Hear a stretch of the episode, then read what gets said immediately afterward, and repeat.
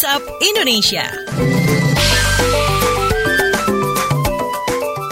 Waktunya kita keliling Indonesia di WhatsApp Indonesia. Kita mulai dari Banyuwangi, Jawa Timur. Deteksi dini tsunami BPBD Banyuwangi tambah tiga alat early warning system Selengkapnya dilaporkan kontributor KBR Hermawan. Selamat pagi. Selamat pagi. Badan Penanggulangan Bencana Daerah BPBD Kabupaten Banyuwangi, Jawa Timur tahun ini akan kembali memasang tiga alat early warning system atau alat pendeteksi dini tsunami di pantai selatan. Kepala Bidang Daruratan dan Logistik BPBD Banyuwangi Eka Muhara mengatakan rencana penambahan EWS itu akan dipasang di tiga titik, di antaranya di perairan Lampon, Rajek Besi, dan Pantai Gerajagan Banyuwangi. Kata dia, jika tidak ada halangan pada akhir tahun 2020 ini, alat tersebut akan dipasang di titik yang sudah ditentukan tersebut. Selain EWS, BPBD Banyuwangi juga telah memasang rambu-rambu jalur evakuasi dan tempat aman untuk evakuasi. Rambu-rambu evakuasi itu telah terpasang sekitar 90% di daerah rawan bencana alam mulai dari bencana banjir, gunung meletus, gempa bumi, hingga bencana alam tsunami.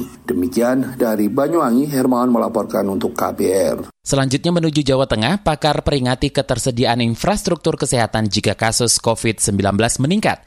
Kita simak kontributor KBR Yuda Satriawan. Selamat pagi. Selamat pagi, pakar ilmu kesehatan masyarakat dari Fakultas Kedokteran UNS Solo, Profesor Bisma Murti mengatakan lonjakan kasus COVID-19 akan berdampak pada ketersediaan infrastruktur kesehatan. Menurut Bisma, masyarakat dan pemerintah perlu bekerja sama intensif untuk menekan laju kasus COVID-19 agar jumlah tidak bertambah banyak atau terjadi lonjakan. Bisma berharap masyarakat dan pemerintah tidak melonggarkan penerapan protokol kesehatan. Selama sepekan ini angka kasus COVID-19 masih fluktuatif tinggi dan menembus rekor di atas 4.000 kasus per hari. Tingkat ketersediaan rumah sakit rujukan COVID-19 juga di atas 70 persen. Berbagai daerah menerapkan operasi justisi memperketat pelaksanaan protokol kesehatan. Sanksi sosial dan denda uang juga diberlakukan bagi para pelanggar protokol kesehatan. Demikian saya Yuda Satirawan melaporkan untuk KBR. Terakhir kita mampir ke Balikpapan, Kalimantan Timur.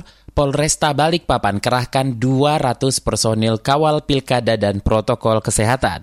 Kita simak kontributor KBR Teddy Rumengan. Selamat pagi. Selamat pagi, Polresta Balikpapan menerjunkan 2 per 3 personil atau sekitar 200-an untuk mengawal setiap tahapan pilkada, termasuk penerapan protokol kesehatan COVID-19. Kapolresta Balikpapan Turmudi mengatakan sesuai peraturan KPU atau PKPU nomor 13 tahun 2020, maka pasangan calon maupun tim sukses wajib mentaati protokol kesehatan. Menurutnya salah satu yang diwaspadai adalah pengerahan massa pada tahapan pilkada, termasuk agenda-agenda tertentu yang justru bisa mengancam kesehatan masyarakat karena protokol kesehatan terabaikan. Kata dia, Polresta Balikpapan terus menjalin komunikasi dengan paslon, tim sukses maupun masyarakat secara langsung maupun melalui media sosial. Pilkada Kota Balikpapan hanya calon tunggal yakni pasangan Rahmat Masud dan Tohari Aziz yang merupakan petahana. Pasangan tersebut didukung 9 partai politik dengan 40 kursi di DPRD. Demikian CT di rumah melaporkan untuk KBR.